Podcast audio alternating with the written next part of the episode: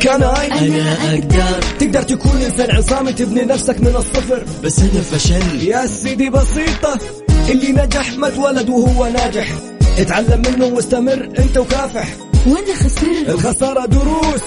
اعتبره درس واستمر في المحاولة. Just do it and do it right. لا تقول أنا فشلت أنا خسرت. Say it. قول أنا نجحت أنا وصلت. أنا أقدر. الآن. اعرف حقوقك. مع المستشار طراد باسنبل والمستشار والمحامي القانوني خالد أبو راشد على Mix FM. Mix FM هي كلها هي في كلها في ال Mix.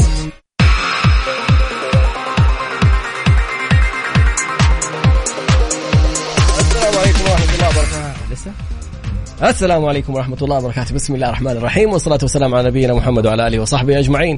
رب اشرح لي صدري ويسر لي أمري واحلل عقدة من لساني يفقه قولي.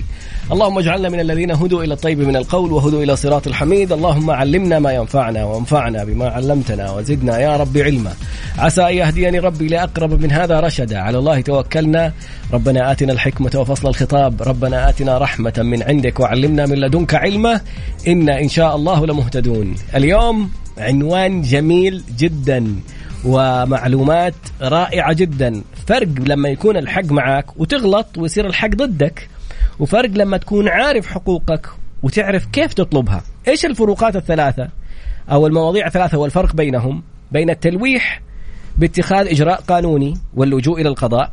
يعني يقول لك إذا ما اديتني حقي أنا حروح أشتكي. والنوع الثاني هو التهديد. إيش يعني تهديد؟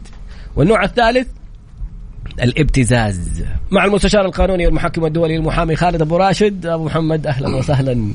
أهلا وسهلا بيك يا طراد. وبالكل اللي بيستمعونا عبر إذاعة مكسف إم واللي بيتابعونا عبر مختلف وسائل التواصل. الأجواء جميلة اليوم يا طراد في مختلف مناطق المملكة. خصوصاً وإن شاء الله أمطار خير وبركة يا رب. وبإذن الله تعالى أيضا نقدم حلقة قانونية مفيدة بإذن الله. نبدأ على طول يا طراد. دائما أو عند البحث بيكون هنالك لبس بين التهديد وبين الابتزاز وبين التلويح بالحقوق. يعني خليني أعطيكم أمثلة على طول. شخص إجي يكون مثلا له عندك حق فلوس مبالغ. فيجي يقول لك يا أخي أنت لو ما أعطيتني فلوسي لو ما سددت لي فلوسي لو ما أعطيتني حقي أنا حروح أشتكيك. فيقوم برد عليك يقول لك أنت بتهددني؟ أنا ما أتهدد. ولا يجي شخص آخر يقول لك هذا تهديد؟ والتهديد أنا ما جريمة. ما أمشي بالتهديد. بالضبط. وأيضا كلنا نعرف إنه التهديد في حد ذاته جريمة حتى لو لم يتم تنفيذ الإيه؟ الفعل. ولو تم تنفيذ الفعل يبقى الجريمة حتكون بقدر إيه؟ الفعل اللي تم ارتكابه. هذا لو كان هذا سبب أيوة. تهديد. طب السؤال هل هذا تهديد؟ مم. طيب الآن لما آجي أنا وأقول أنت لو ما تجاوبت معايا يا طراد أنا حروح أكسر سيارتك أو حأكسرك أو حأذي أهلك.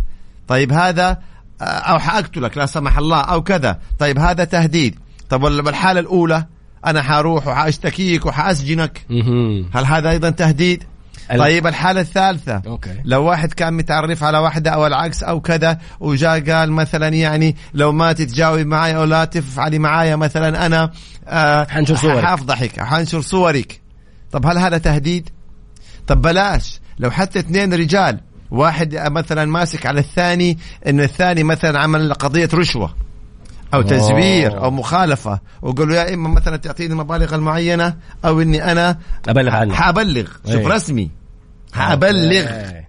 طيب هل هذا يعني آه تهديد ولا حقوق والله هذا ولا ابتزاز هذا قوي. أيوه. إذا انت طب أنت الآن بتقول في الحالة الأولى إنه آه، رسمي تشتكيه طب أيضا أنا الآن إذا أنت ما تعطيني مبلغ أنا حبلغ فيك رسمي إنك أنت زورت إيش الفرق بين أو الحالتين؟ إنك أنت ارتشيت. أنا لا ضربتك ولا أذيتك ولا يحزنون. هنا إحنا مهم جدا إن نفرق بين هذه الحالات الثلاثة. لأنه المسألة خطيرة. عارفين ليش؟ لأنه في حالة هي حق من حقوقك وما عليها أي عقوبة بالعكس هي حق من حقوقك. كما ذكرت بينما الحالات الثانية هذه جريمة قد تدخلك السجن. فالتفريق بين هذه الثلاث حالات مهم جدا جدا. نبدأ. الحالة الأولى دائما لما الشخص يطالب إنسان بحقوق ويقول له إذا أنت ما أعطيتني حقوقي أنا حأروح أشتكيك. أشتكيك يعني أقدم شكوى لدى الجهات الرسمية. هذا ليس تهديد. بتهديد.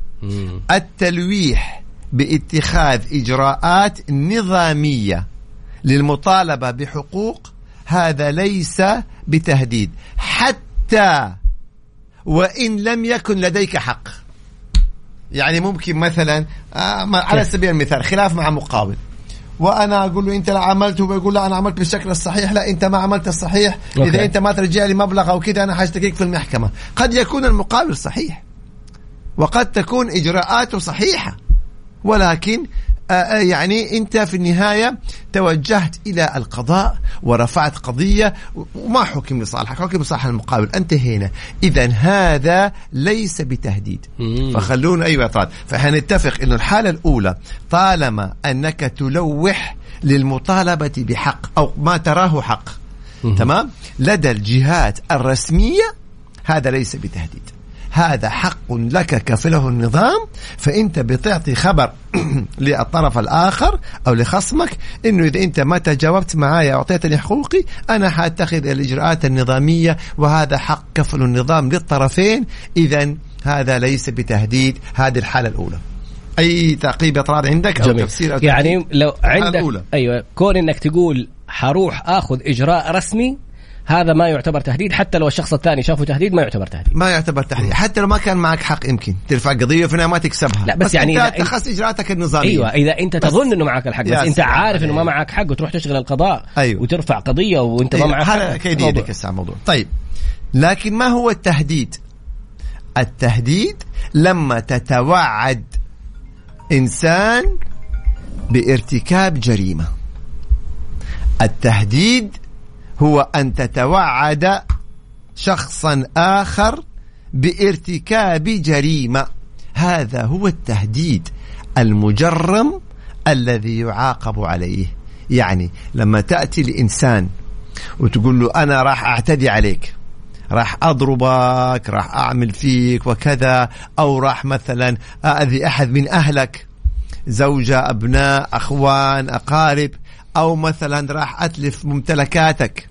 يعني إما أن يكون بالتلويح بالاعتداء على النفس هذه جريمة أو الاعتداء على الأقارب وال- والآخرين أيضا ممن يهموك جريمة أو الاعتداء على الممتلكات راح أكسر بيتك راح احرق لا قدر الله راح اختصاراً. أكسر ال- ال- السيارة ال- فكل ما هو توعد بارتكاب جريمة.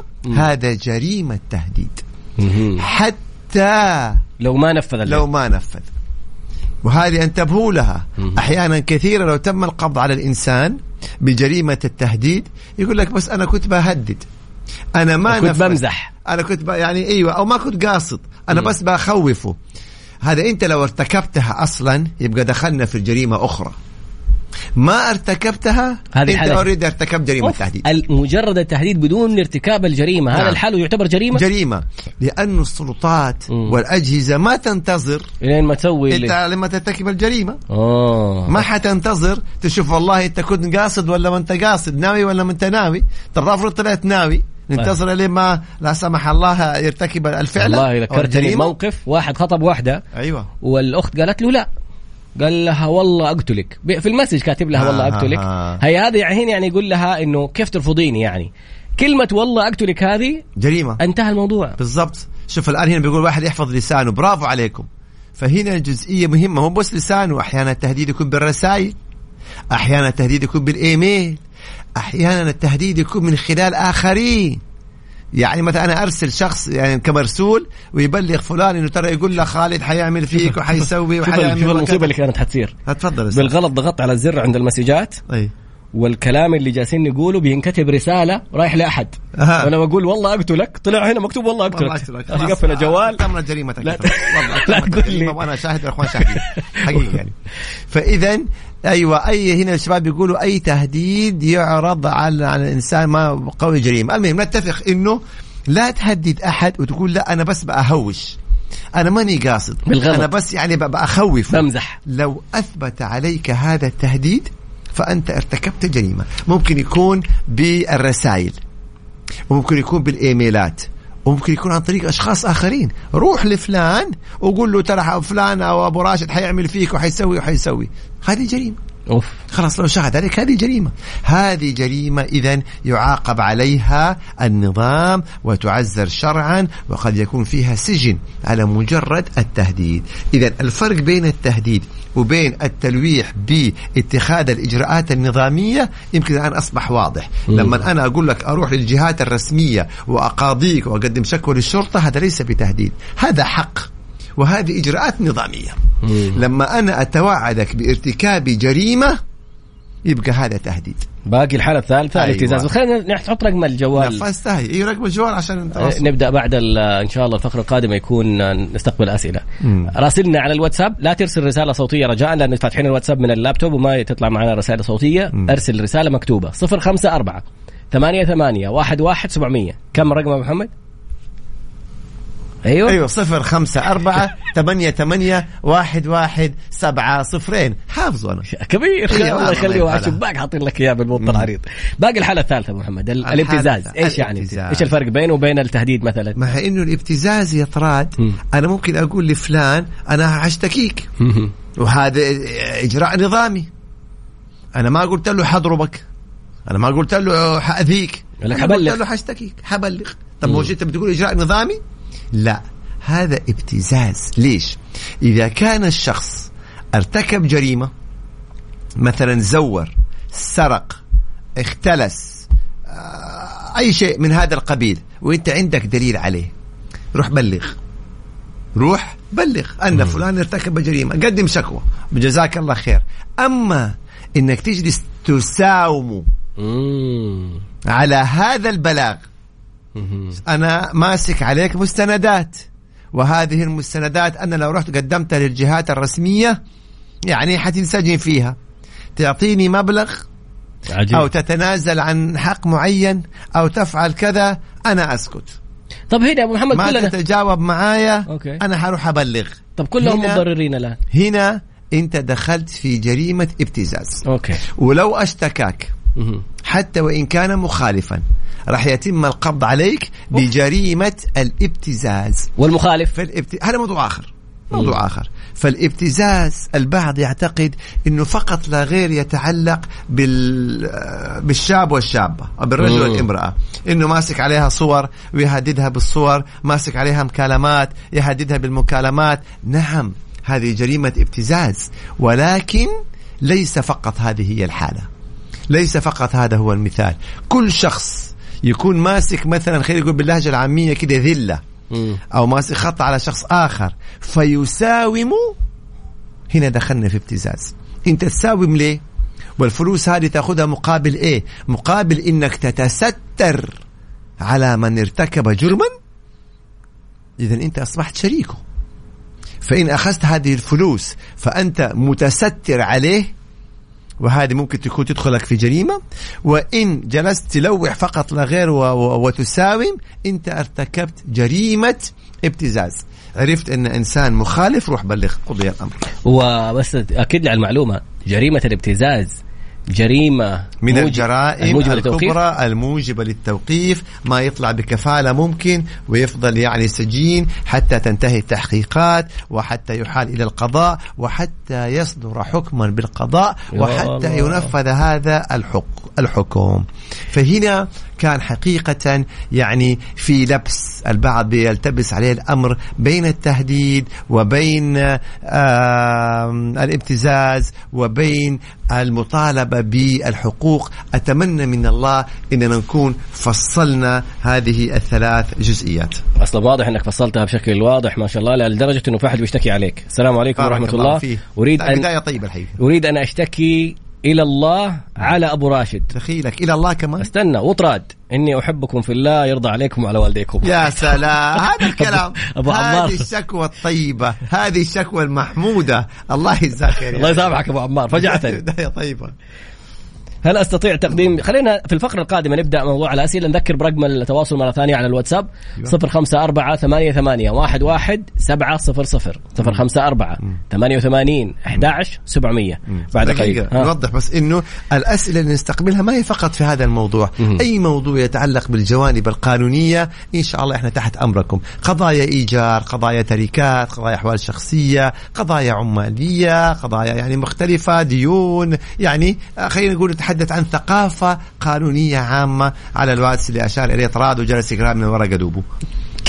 بعد قليل تفضل. أساس انت قريته من حفظك يعني. تفضل أستاذ. تفضل. نبدأ. يلا. أهلا وسهلا بكم مجددا ويبدأ اطراد الآن إن شاء الله تعالى يقرأ لنا الأسئلة اللي وردت. قبل القراءة موضوع الابتزاز خصوصا للشباب والبنات بس حاب أذكر أي فتاة تتعرض لأي ابتزاز شخص يقول لك صورتك أرسل لأهلك أرسل لمدري مين. المحادثة اللي موجودة شيلي رقم شيلي اسمه من المحادثة إن كانت واتساب ولا من أي شيء وصور الشاشة. الآن في يدك دليل في يدك برهان. تقدري تروحي فيه على الشرطة والرجال يوصل إنهم في وحدة جرائم معلوماتية يقدروا يعرفوا من فين مكانه ويجيبوا كل تفاصيله برقمه بس رقمه هو اللي يحتاجوه وهذه جريمة أبى أقول للشباب بس عشان اللي بيتحمسوا أحيانا يعني م- أنت تتكلم على جريمة موجبة للتوقيف يعني ما حتخرج حتى بكفالة من يوم ما تدخل التوقيف إلين ما ينحكم عليك في القضية وال والأحكام يعني ترى ما فيها لعب موضوع تدخل سابقة في حياتك على الطرفين والعكس صحيح البنت ممكن. اللي تسوي نفس الحركة في شاب أيوه ترى ممكن يصير فيك وحصلت. إنه كان يكون شخص متزوج مم. وعلى علاقة يعني للأسف بفتاة ولا بشابه ولا هو مم. فبعدين تبدأ تبتزه تقول له يلا حقول ترى. حافضحك. عند زوجتك حافضحك عند أولادك. فهي أيضا جريمة ابتزاز. ف... و... تمام. يعني يقول هل يعتد بهذا الكلام في حال علاقة؟ نعم. ما هو أصلا ما يكون الابتزاز إلا من خلال وجود علاقة. الابتزاز التلويح بتقديم أو بتقديم شكوى المساومة، أو أو المساومة. المساومة. خلينا نقول على إنه التكتم على خطأ جريمة أو مخالفة مقابل- مقابل, مبلغ أيوه. أو أيضا نفس الشيء مثلا يعني يمكن يكون طلبات يطلب من الفتاة أمور معينة إذا ما نفذتها يفضحها. فنفس الشيء كل هذا يعتبر إيش؟ يعتبر ابتزاز. أوه. هنا في سؤال بيقول إنه هي شخص قدم على ترخيص وبعدين كل ما بيتابع بيقولوا تحت الإجراء. فهل في مدة معينة؟ يعتمد على حسب النوع الترخيص التخصص اللي أنت طالب فيه الترخيص. لكن يعني طالما تحت الإجراء يبقى ما أمامك غير إنك أنت تتابع حتى إن شاء الله تعالى ها. صدور هذا الترخيص. أسمع السؤال المهم جدا هذا. آه كثير من الشركات الآن تتعامل مع أشخاص يديروا لهم حساباتهم في وسائل التواصل الاجتماعي. أيوه. فيقول شخص اخترق سناب قناة لكونه هو من أنشأ الحساب لها وسحب مقطع فيديو لها وأخبرها بالفيديو فما العقوبة؟ بدون تهديد ما طلب شيء في المقابل. مجرد مم. مجرد اختراق حسابات الآخرين. اللي هي آه، هذه جريمة تدخل ضمن نظام مكافحة الجرائم المعلوماتية الدخول غير المشروع على حسابات الآخرين اللي هي عبر النت. هذه جريمة معلوماتية. إيميل أن حساب سوشيال. بالضبط. سواء أنت خربت هذا الحساب سواء مجرد يعني إنك أنت دخلت من باب يعني ال- ال- القدرات مجرد دخولك على حساب الآخرين تحت أي سبب كان ترى ده جريمة معلوماتية. والشخص اللي اخترق هذه القناة ودخل ارتكب جريمة معلوماتية. حتى لو لم وإن. كان النية سليمة. بمعنى البعض يدخل على حسابات مثلا والعياذ بالله إباحية ويهكرها. جريمة معلوماتية. أوف كيف؟ نعم. حساب إباحي. الدولة التي تعاقب مم. وليس الفرد لا يحق للفرد بلغ أن. يعاقب بلغ مم. بلغ إلى كلنا أمن بلغ الجهات الرسمية هذا حساب إباحي هذا حساب مثلا سيء إيه. لا يحق لك أن تدخل من تلقاء نفسك وتتلف حسابات الآخرين تحت أي سبب كان أنتبهوا المسألة خطيرة. هل يحق للمدير تهديد الموظف بالفصل من الشركة؟ أبو عمر من الرياض. أيوه. هنا نجي لطبيعة الموضوع. بمعنى موضوع هذا التهديد. يعني إذا هذا الشخص غاب قرابة 15 يوم فأنا هنا بأشير إلى الأنظمة. أقول له إذا أنت حتستمر في الغياب حتنفصل. فهنا الموضوع النظامي. إذا مثلا والله هذا الموظف بيرفض إطاعة أوامر صاحب العمل المشروعة. يعني خليني أختصر لكم الموضوع. إذا ارتكب هذا الموظف مخالفة توجب الفصل نعم يحق لصاحب العمل أن يوضح له النظام. ترى أنت اللي بتسويه حيؤدي إلى فصلك. هذا نظام أصلا وليس قول صاحب العمل. أما إذا كان افتراء والله إذا ما يعني إذا طلب من العامل طلبات ليست من مهام وظيفته. إذا يسويها يحفصلك لا طبعا لا يحق له ذلك. لا يحق له ذلك على الإطلاق. فهنا فرق بين أن أشير إلى مواد النظام ويكون هذا العامل ارتكب مخالفة تستوجب الفصل فأنا انبهه يبقى ده نظامي. أما انه كل شوية لو ما سويت كده حافصلك لو ما عمل كده حافصلكم لو مش عارف حافصلكم لا طبعا ما يحق له. اللي بين صاحب العمل وبين العامل النظام. الذي يحكم العلاقة بينهما النظام. ما يحق له عشان مدير ولا صاحب عمل يقعد يفتري على الناس. ما يحق له ذلك هذه قضية مرفوعة. فالرجل بيسأل هل يعني قضية لشخص سوى عملية تكميم صارت مضاعفات. لما رجع على المستشفى بناء على المضاعفات التأمين رفض يغطي المبلغ حق الرجعة للمستشفى بناء على المضاعفات فالمستشفى هو توفى الله يرحمه ويغفر له. الله يرحمه. فالمستشفى الآن جالسة تطالب أصحاب إيش يسموهم؟ الورثة بمبلغ طيب. الشهرين اللي جلس فيها أيوة. والتأمين رفضها. ما هنا الآن حنرجع بين العلاقة بين المستشفى وما بين ورثة المتوفى وما بين ورثة المتوفى وما بين شركات التأمين. المستشفى تقول لك أنا عملت إجراءات طبية أعطوني أتعبي المفروض إنه تامين يعني بالضبط أنا ما لي علاقة. مم. أنا الآن كمستشفى والله التأمين غطى يبقى أنا اطالب التأمين. مم. طيب التأمين ما غطى؟ يبقى أنا أطالب المريض. بس المفترض أن أبلغ المريض. مم. من أول يوم ترى التأمين ما غطى. عندك القدرة إنك تدفع عشان نعمل الإجراءات الطبية أوه لو ما بلغ لو ما بلغ. إنه أنا ما تبلغني. مم. وأنا أعتقد إنه التأمين غطى. ثم تفاجئني؟ لا يبقى هذه دخلنا في مسألة أخرى. هذا في إثباتات في القضية. أيوة. أيضا يحق لهم أن هم يناقشوا شركة التأمين. وإن لزم الأمر يقاضوها. لماذا يا شركة التأمين ما غطيت المبلغ العلاج؟ هل عاد شوف الأسباب. هل والله أن المبلغ تجاوز حد التأمين؟ هل أن الموضوع مثلا كان من المواضيع التجميلية التي لا يدخل ضمن عقد التأمين؟ يبقى هنا حندخل في شروط العقد ونشوف يعني إيه حسب شروط العقد. على سيرة الموضوع حق التهديد بفصل الموظف هل المبيعات وتحقيق الأهداف يدخل من ضمن صلاحيات؟ هذه معلومة خلينا نعلنها لأول مرة يا معقولة؟ نعم. ونعلنها للملأ. عجيب. الحالات التي توجب فصل الموظف. م. أنا أسألك هي يا طراد. المادة ثمانين. هل ورد فيها عدم تحقيق الموظف للتارجت أو اللي هو للمستهدف؟ هل ورد هذا النص في نظام العمل؟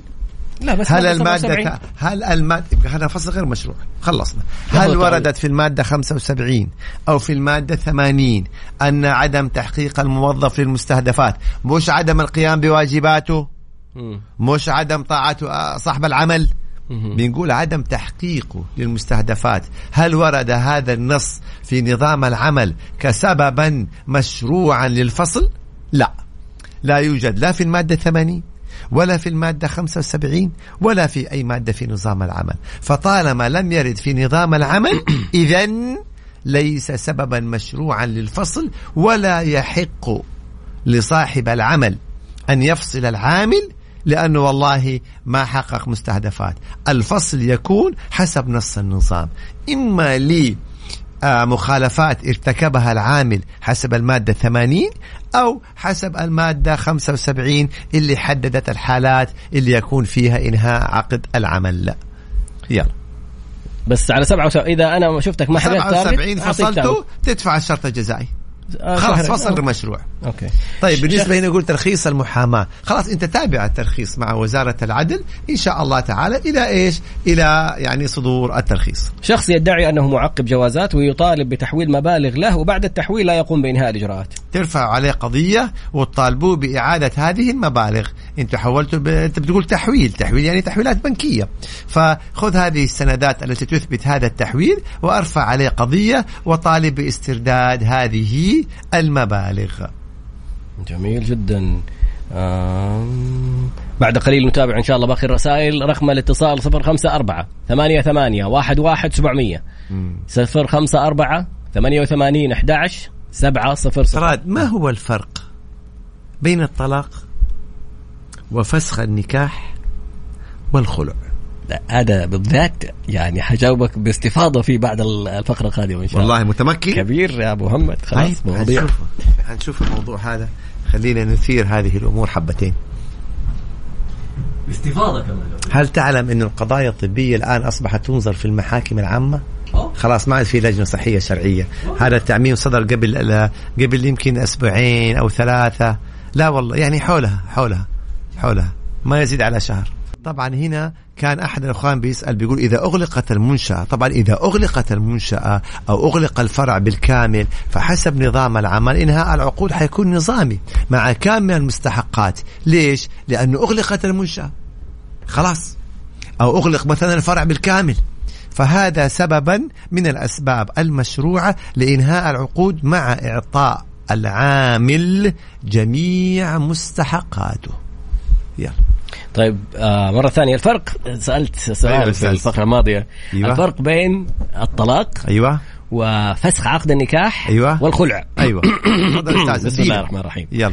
أولا الطلاق بكلمة من الرجل. خلاص. حلو. إذا بإرادة الرجل المنفردة. يس. قال. عشان نكون دقيقين. نعم. بإرادة الزوج مهم. المنفردة. نعم. اذا الطلاق بإرادة الزوج المنفردة. الزوج متى ما يبغى يطلق طلق.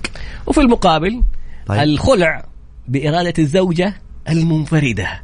طيب. خطأ. بمقابل استنى. خطأ. هو فسخ عقد النكاح بعوض. وتعرفه كده. خطأ. أصبر. صح المعلومة. حديك فر... حديك مهلة. okay. الخلع. الخلع هو فسخ عقد النكاح بعوض. أنا أجي أقول لك يعني لو مرتك. ناقص. بسم الله عليك. ناقص. okay. آه. إنه هو بقرار المرأة. ناقص. خطأ. للأسف. خلاص خلاص. باقي. باقي باقي باقي. باقي الأخير باقي الأخير. طيب. بعدين صحح لي. طيب فسخ النكاح. فسخ النكاح. فسخ عقد النكاح.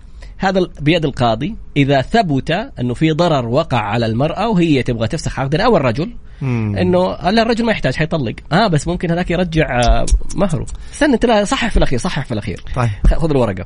المهم آه، فسخ عقد النكاح لوجود ضرر بيد القاضي. ممكن تروح الإنسانة بد- تقول ما أبغى هذا شوف يا الرجل طراد أنت طلعني إجابة راسب. صحيحة في الأولى مهم. إجابة غير صحيحة في الثانية إجابة أيوه. يعني 50% في الثالثة. okay. يعني للأسف في هذه أعدي ولا ما أعدي؟ حاطيه 50% 50 وصلت 100 50 هذه نجاح؟ جامعة لا. ضفها 60 عشان تعدي. فاس 60 يعني؟ إيه. شكرا محمد. خلاص 60% جاوب جاوب. 60% عشان weekend شكرا. بس خلاص. نرجع. قلنا الطلاق زي ما قال طراد بإرادة الزوج المنفردة لا ما خانوا التعبير. أخطأ أخطأ في الإجابة. نرجع. بإرادة الزوج المنفردة خلاص متى ما قرر الزوج أن يطلق طلق. هذا الجواب الأول صحيح. طيب. الخلع يجب أن يكون برضا الطرفين.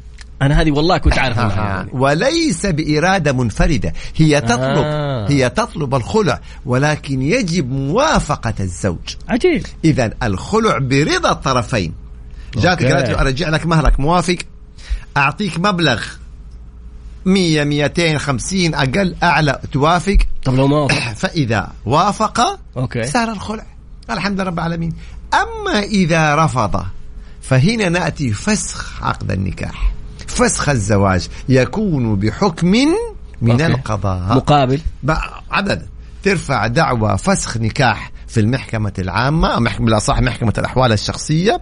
ففضيلة القاضي ينظر في هذه القضية ويفسخ النكاح. فإن ثبت لفضيلة القاضي أن السبب من الزوج يعني هو المقصر يفسخ النكاح بدون إعادة المهر.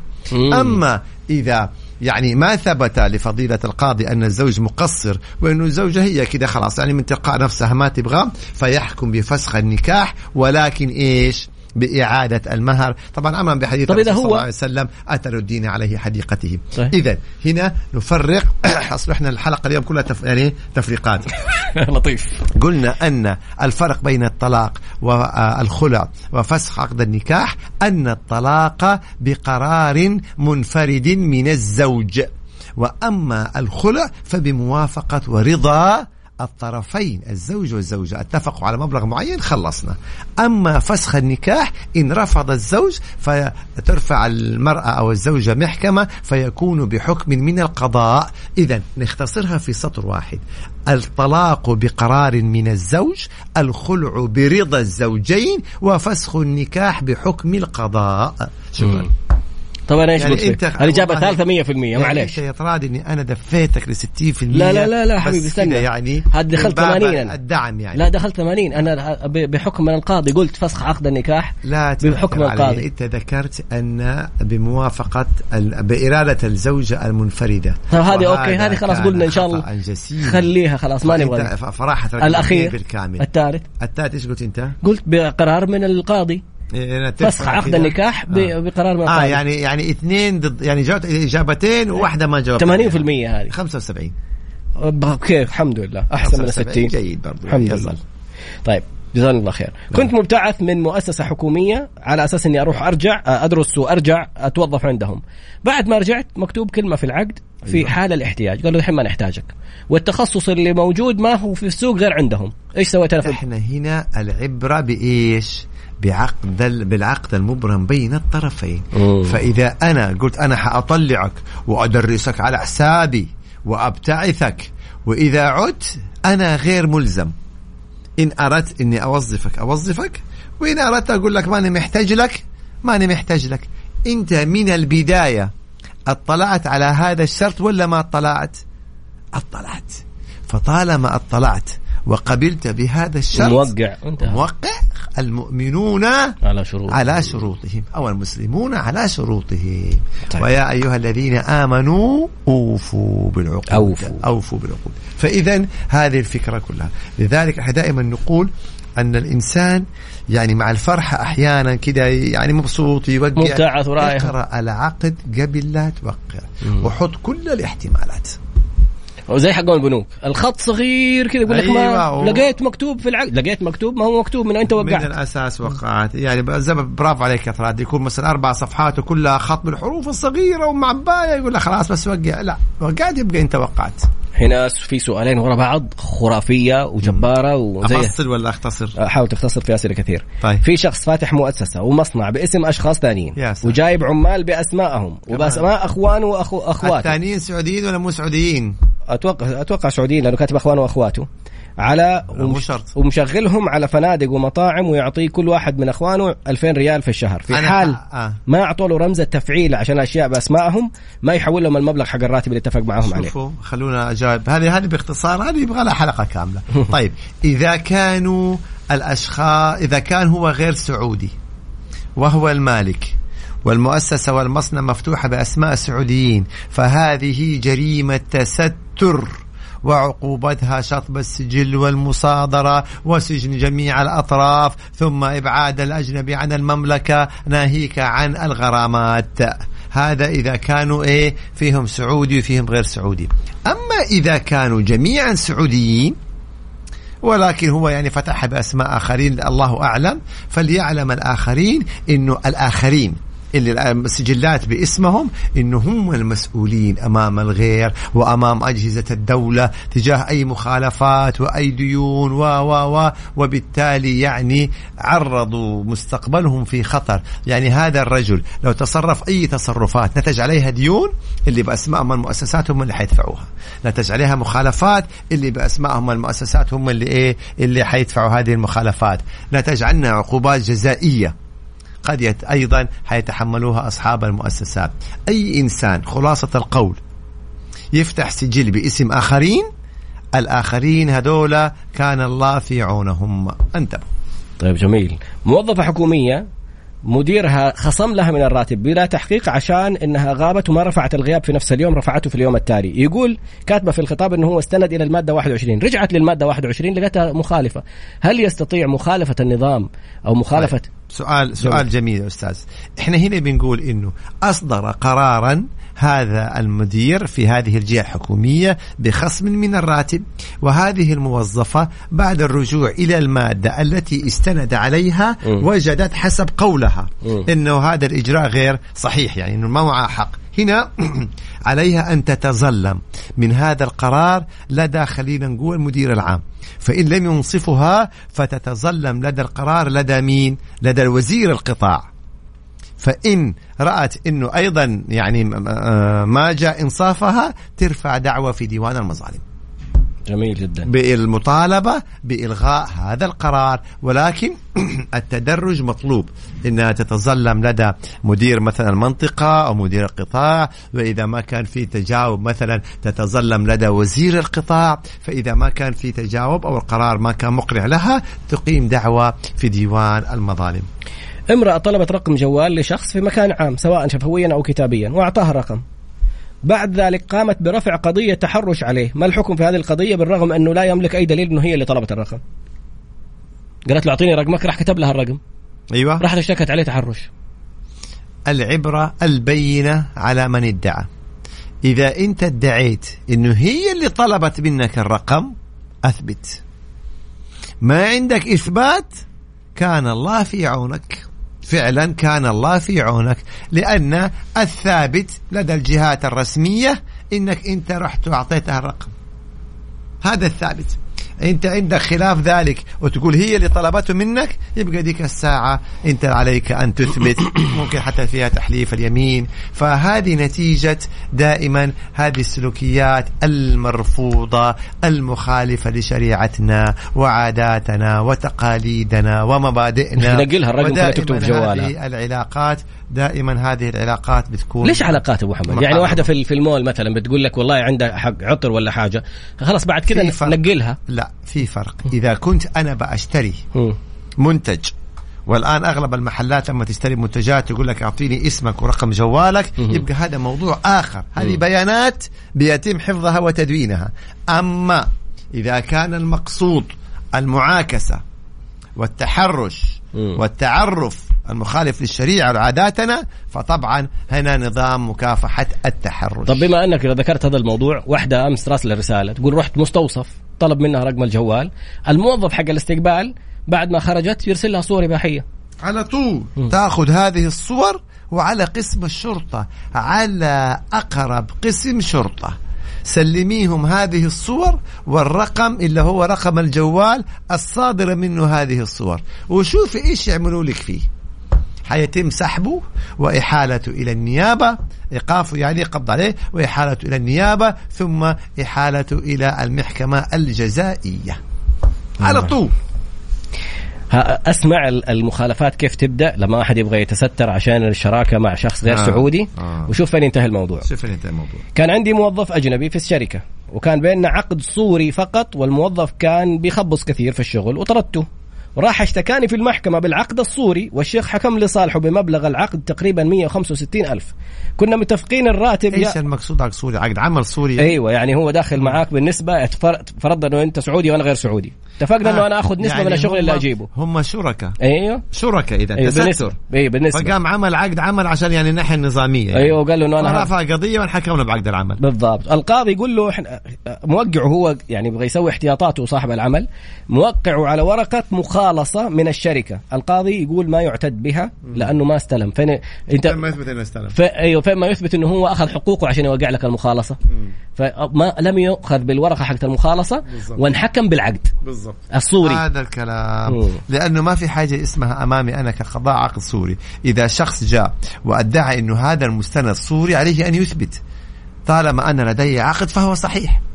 مسألة الصوري أثبت إنه عقد صوري ما أثبت يبقى الحكمة أو أو يحكم بالعقد. يعني بدل المخالصة هذه اللي كانت أخذها وأنت ما سلمته شيء كانت كان ممكن يقر تسمى ورقة ضد. إن مم. هذا العقد المبرم بتاريخ كذا هو عقد صوري مهم. ولا يعتد به وأن الصحيح هو كذا وكذا انه صحيح مخالفة. هي تجريمه تستر تشتري وتدخل في قضية ثانية. والله فعلا يا طلال أنت قلت حاجة جميلة جدا. شوف الإنسان إذا بدأ خطأ يستحيل يكمل صح. لأن الله الخطأ سوف يأتي جميل. بخطأ وخطأ حقيقي. وخطأ. هي تيجي شوف الغيم تيجي تيجي حكم. في الاجواء الجميله تطلع حكم. حبيت في الغيب يطلع حكم. أي. آه جميل جدا. ما نشتكى طب فين يشتكي يقول لك هذا الرجل؟ مين؟ قال لي يروح يشتكي في إيش؟ لا قصده هذاك في مين؟ أي قضية؟ أي السؤال سؤال؟ السؤال القديم اللي فاتح بأسماء أخوانه بيديهم راتب واللي ما يديله رمز التفعيل اللي يوقف عليه الراتب ما إحنا هنا ما إحنا عارفين العلاقة دحين كيف هي هم أصحاب المؤسسات مم. تمام صاحب المؤسسة هو صاحب القرار أوكي يعني أفصل هذا الموظف إذا كان مثلا كذا أنهي علاقته؟ أمنع من دخول المؤسسة؟ وظف أنت ناس عندك؟ أنت مشي أمورك؟ أنت صاحب المؤسسة. لا لا الآن السؤال اللي قبله حق اللي فاتح بأسماء أخوانه مصانع ومؤسسات ومشغل وجايب عبالة على أسمائهم وبيديهم راتب 2000 2000 كل شهر. واللي ما يعطي له رمز التفعيل حق المؤسسات والأشياء هذه يروح يوقف عليه الراتب. تستر بالعربي بأسماء أخوانه. ما جريمة تستر. جريمة تستر. إذا كان غير سعودي فهذه جريمة تستر. يعني المشكلة. اذا إذا الأخوان بيروحوا يشتكوا فانتم لا تنسوا أنكم أنتم مشاركين في جريمة التستر. التستر. لأنه باسمكم الأشياء وجالسين يصير الشغل عليكم و- وأنتم واللي بيشتكي مين؟ اللي فتح المؤسسات؟ بيشتكوا أخوهم يعني. هو مين اللي بيشتكي الآن؟ ال- اللي بيسألك مين؟ اللي مفتوح باسمه مؤسسه اللي مفتوح باسم المؤسسة. يا غالي طالما أنت صاحب المؤسسة يبقى أنت المفترض اللي يجيك الرمز وأنت اللي يجي لك كل التفاصيل. أنت صاحب المؤسسة. مم. تقدر تقول للشخص الآخر الذي لا علاقة له بالمؤسسة رسميا. تقول لا تدخل المؤسسة. أنا صاحب المؤسسة أنا اللي أوظف وأنا اللي أفصل وأنا اللي أعين. أمسك مؤسستك بيدك وتحكم فيها وديرها بنفسك. أنت صاحب قرار. بس في- في- صاحب المؤسسة. معلومة مهمة ثانية. أي مديونية تصير على هذه المؤسسة أنت المسؤول. أنت المسؤول. انتبه. يعني مر علينا أسئلة. تمام. واحد فاتح مؤسسة باسم زوجته واحد فاتح مؤسسة باسم أخوه. في النهاية المؤسسة طيب. تصير عليها مديونيات. قد يكونوا أخوانه سعوديين وهو موظف حكومي. مثلا. ففتح المؤسسة بأسماء أخوانه. برضو خطأ. وه- وهذه النتيجة الآن. أمام الدولة وأمام الجهات الرسمية اصحاب اللي اسمائهم في السجلات التجارية هم أصحاب المؤسسة. على الأخ الآخر أن يثبت انه هو المالك. فإما أن يقيم دعوى يعني يثبت ملكيته لهذه المنشآت يبقى هذا خط أو انه أصحاب المؤسسة يقولوا إحنا أصحاب المؤسسة سجلات باسمنا أنت ما لك علاقه فهو ممكن إذا كان سعودي يرفع دعوى ملكية. ويثبت ذلك. أعمل في شركة تشغيل وصيانة في أحد الدوائر الحكومية. المدير فصلني بدون انذار أو تحقيق أو اي غلطه علي. إيش الإجراء؟ ترفع قضية لدى القضاء العمالي وتوضح إنه أنت انفصلت بدون سبب مشروع وتطالب بتطبيق المادة 77 المادة 77 حت حتشوف هل أنت عقد عملك محدد المدة فحيحكم لك بباقي ال- العقد بالكامل. بحد أدنى شهرين. أما إذا كان عقد عملك غير محدد المدة فحينحكم لك بالتعويض المنصوص عليه في المادة 77 نصف شهر عن كل سنة من سنوات الخدمة بحد أدنى شهرين. ما لم يكن هنالك شرط جزائي في عقد عملك في الفسخ غير المشروع فحيطبق الشرط الجزائي. وعلى فكرة بس توضيح للناس إنه المادة 77 إذا كان عقدك محدد المدة مثلا عقدك معايا سنة وأنا خلال ستة شهور قلت لك خلاص ما أبغاك. المفروض إني أدفع لك باقي شهور. الستة شهور كاملة لنهاية العقد. والعكس صحيح. أنت كموظف بناء على المادة 77 لما تيجي تقول لي والله ما أبغى أكمل شغل خلاص العقد فجأة. جاني عرض رايح لشركة ثانية. أنت اللي لازم تدفع للشركة رواتب الستة شهور دي كاملة. تمام. مواضيع الأخطاء الطبية والله ممكن نعمل لها حلقة يا مستقلة لأن هنالك جديد. الجديد إنه انتقل الاختصاص القضائي إلى القضاء العام. مم. وإحنا عملناها هذه الحلقة يمكن من عدة سنوات فما يمنع إننا نوضح بما إيه بالجديد فيها. والله ممكن نعمل حلقة جميلة عن الأخطاء الطبية إن شاء الله تعالى في حلقة قادمة. أشكر تفاعل الشباب اللي بيتفاعلوا معنا. الموظفة أرسلت الحكومية. سؤالي في الواتس. هنا شخص بيقول أرسلت سؤالي في كثير والله. جالسين ناخذها سؤال سؤال. بس طيب, طيب. تم الرفع لل... آه، اللي انت قلت لها تروح تشتكي مدير القطاع وبعد. تقول رفعت لل... للشخص المسؤول يقول هذه لائحتنا الداخلية منفصلة و... وخاصة فينا يعني. هل يحق لهم إنه يسووا لائحة داخلية خاصة بالشركة بالقطاع الحكومي. هل مم. هذه اللائحة معتمدة نظامية؟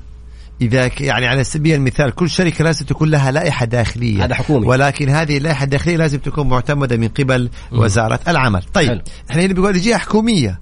يقول هذه اللائحة داخلية. يبقى إحنا لازم نرجع للجهة الحكومية هذه. هل هذه اللائحة الداخلية نظامية؟ كيف يعني نظاميا؟ يعني صدرت بالشكل النظامي مثلا آه وفقا للأنظمة أصدرها الشخص في الحكومة. هل صدرت من الجهة ذات الصلاحية؟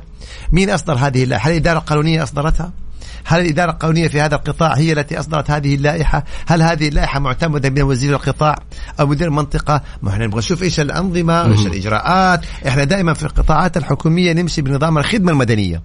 كون أن هنالك لوائح داخلية يبقى نسأل صدرت من الجهة الصحيحة متوافقة يبقى مع باللائحة المدنية؟ الداخلية متوافقة مع. نظام الخدمة صدرت من المدنية الجهة الصحيحة أكيد ما صدرت يبقى طبيعي حتكون مخالفة فلا بد نطلع على اللائحة ومدى نظاميتها والجهة التي أصدرتها حتى إيه نفتي في هذه الجزئية هذا يا ترى سؤال الناس اللي بيتوسطوا يقولوا اطلع على السؤال يا ترى طلع. هو خليه يكتب لك. رقمه يلا. عشان حاط اعرف من آه،. صحيح. آه، أحد بيسأل هل في مستجدات عن إضافة مادة القانون في المدارس؟ إلى الآن حسب علمي لا يوجد وإن كنت أتمنى وأطالب بأن تكون هنالك مادة ثقافة قانونية على الأقل في ثالثة ثانوي. ثقافة قانونية. لأن اليوم الطلاب اللي في الثالثة ثانوي بيستخدموا وسائل التواصل وبيستخدموا الجوالات وبيستخدموا طبعا ال- ال- الحسابات وبيستخدموا دي كلها. أيضا مثلا بتحصل مضاربات ومشاجرات مثلا يعني سواء في الفصل أو بعد هذا أيضا فممكن تكون مادة قانونية ثقافية تثقف مثلا هذه الفئة من أبنائنا يعني مهمة جدا هذه الجزئية. جدا والله. آه، شخص نصب علي إنه يوظف ويستخرج عاملات وطلع علي مؤسسة على على اسمي والآن مطالب بمبلغ مليون ريال. كيف الإجراء؟ كيف نصب عليك وطلع مؤسسة باسمك؟ يعني أنت وافقت وسويت معاه تستر وهو في النهاية والآن عليه ديون مليون ريال؟ مليون. والله هذا أمر مؤلم. هذا أمر مؤلم جدا لأنه اللي طالبه بالمليون أمام صاحب المؤسسة. عاد انت ارفع عليه قضية إيش بينك وبينه مستندات؟ كيف تقدر تثبت انه هو مثلا المالك الحقيقي؟ كيف تقدر تثبت انه هو نصب عليك؟ يعني إحنا إحنا كلام أنا جاني سؤال بتقول نصب علي بس بدون أي معلومات أخرى. نصب عليك اشتكي في الشرطة؟ أن هذا الإنسان نصاب محتال وفي هذه الحالة ممكن إنه هو يحال إلى النيابة وعندنا نظام الاحتيال. ممكن نتحدث عنه أيضا في حلقة من الحلقات ويحال المحكمة الجزائية. هذه الإجابة بناء على سؤالك العام نصب علي. أعطيني تفاصيل أعطيك تفاصيل في الإجابة. كبير يا محمد. أحسنت. اديني تفاصيل أديك تفاصيل. أبغى أقدم استقالتي قبل نهاية العقد وأنا لي في الشركة أكثر من عشر سنوات. هل أستلم حقوقي نهاية الخدمة كاملة؟ حسب نظام مكا... آه مكافأة. خلاص ضغط الأنظمة. بموجب نظام العمل حدد الآلية بالنسبة لمكافأة نهاية الخدمة. فإن استقلت خلال سنتين فلا مكافأة نهاية خدمة. إذا استقلت خلال. بعد سنتين وأقل من خمس سنوات يعني من سنتين إلى خمس سنوات فلك ثلث هذه المكافأة. إن استقلت ما بين خمس سنوات وعشر سنوات فلك ثلثي هذه المكافأة. إن عديت العشر سنوات فلك كامل مكافأة نهاية الخدمة الآن فصلت لك إياه طب بس هو لسه عقده ما انتهى ف طيب هو استقيل الآن أيوة، كم يستق- سنة له؟ 10 سنوات أكثر من 10 لا سنوات أكثر من عشر أكثر سنوات من عشر. تأخذ كامل مكافأة نهاية الخدمة أيوه بس حيكون في شرط الجزائي حق فسخ لا هذا موضوع آخر هذا استقالة وليس 77. فسخ غير مشروع هذا موضوع آخر يا إفراد بس 77 صح؟ لا هو تقدم باستقالة آه، هذه فيها أوكي. تفاصيل أخرى طب تمام. جميل جدا أنا كفي هذه شوف النقطة. جدا مهمة الأشخاص اللي بيسحبوا جوازات وإقامات العاملين عندهم. راح الرجال اشتكى بشكل نظامي. طيب. رجعوا له الأوراق. الرجال راح مسوي عليه بلاغ كيدي هروب ولا تغيب. الآن خذ أنت هذا البلاغ اللي أنت كسبته اللي خلاه يرجع لك ال- الأوراق وروح أرفع عليه في شو يسموها؟ مو وزارة العمل. يرفعوا البلاغ ده وممكن يتغرم عليه غرامة إذا هو مسوي آه، بلاغ كيدي على إنه طيب، تغيب. إذا بلاغ كيدي يعاقب. ويهددني برفع البلاغ بعد نقل كفالتي. طيب آه، مين ثاني؟ والله رسائل مرة كثير. المحكمه okay هذاك اللي نصب عليه سواله مؤسسة وث- مليون ريال نصب عن طريق وسائل التواصل الاجتماعي. خلاص ترفع قضية إنه هو استغل وسائل التواصل الاجتماعي للنصب عليك بمعنى تقدم شكوى في الشرطة أعطيهم الرسائل والصور اللي أرسل لك هي في إيه، مثلا في تويتر ولا في سناب ولا على حسب الحساب. وقول لهم هذا الرجل من خلال وسائل التواصل الاجتماعي عمل إعلانات أو تواصل معايا وزودني بكذا وكذا وكذا وأعطيهم كل الرسائل اللي بينك وبينه. واحد. اثنين. أعطيهم للشرطة أيضا الحوالات المالية اللي أنت حولت له هي أو الشيكات. فهنا أصبحت أمامنا جريمة إيش؟ احتيال. الشرطة حتأخذ التفاصيل هذه كلها وترفعها للنيابه النيابة حتحقق.